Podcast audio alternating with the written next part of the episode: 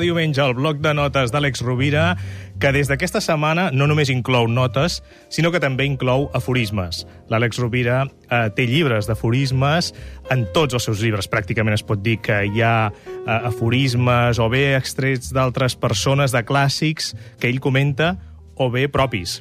I avui, un aforisme en aquest bloc de notes. Àlex Rovira, què tal? Molt bon dia. Molt bon dia, Gaspar. Es troba de viatge en aquests moments l'Àlex Rovira. És un bon moment mentre mires la finestra del tren No, del tren d'alta velocitat. per senyor. comentar un aforisme de Goethe avui, no? Doncs sí, és un aforisme molt bonic i és molt breu. Aquest aforisme diu tracta un home tal com és i seguirà sent el que és, tracta'l com pot arribar a ser i esdevindrà allò que pot arribar a ser.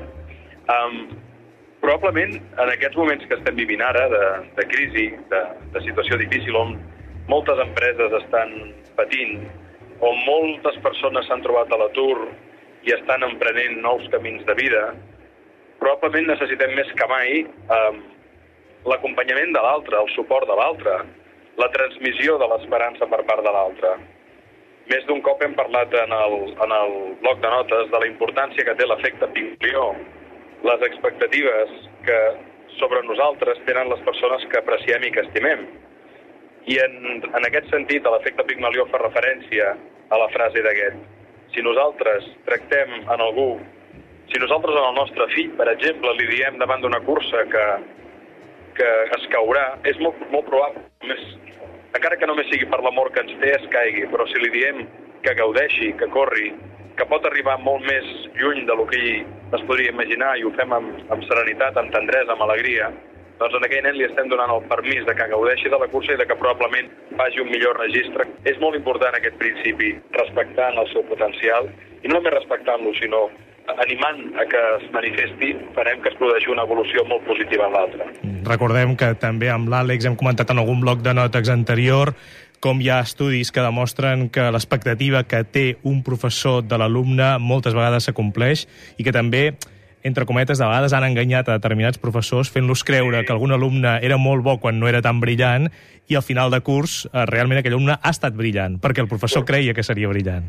Correcte, aquest és el famós experiment Pigmalió a l'aula dels professors Rosenthal i Jacobsen. També, mira, Víctor Frankel, autor de referència que sempre citem, deia que estimar de debò algú no és només estimar la persona per allò que és, sinó estimar-la en tot el seu potencial. I Antoine de Saint-Exupéry també deia que el veritable amor no és més que el desig inevitable d'anyar l'altre a que esdevingui allò que està cridat a esdevenir. Uh, la setmana passada parlàvem d'un cor ple d'estrelles, parlàvem de les dimensions de l'amor, i probablement de les maneres més boniques d'estimar és aquesta, veure en l'altre la seva llum, veure en l'altre la seva intel·ligència, el seu potencial, les seves capacitats que pot arribar a despertar. Sovint ho veiem amb els nostres fills, perquè encara són nens i s'estan fent i estan creixent, però hauríem d'aplicar-nos aquesta mirada a nosaltres mateixos i també a les persones que ens envolten.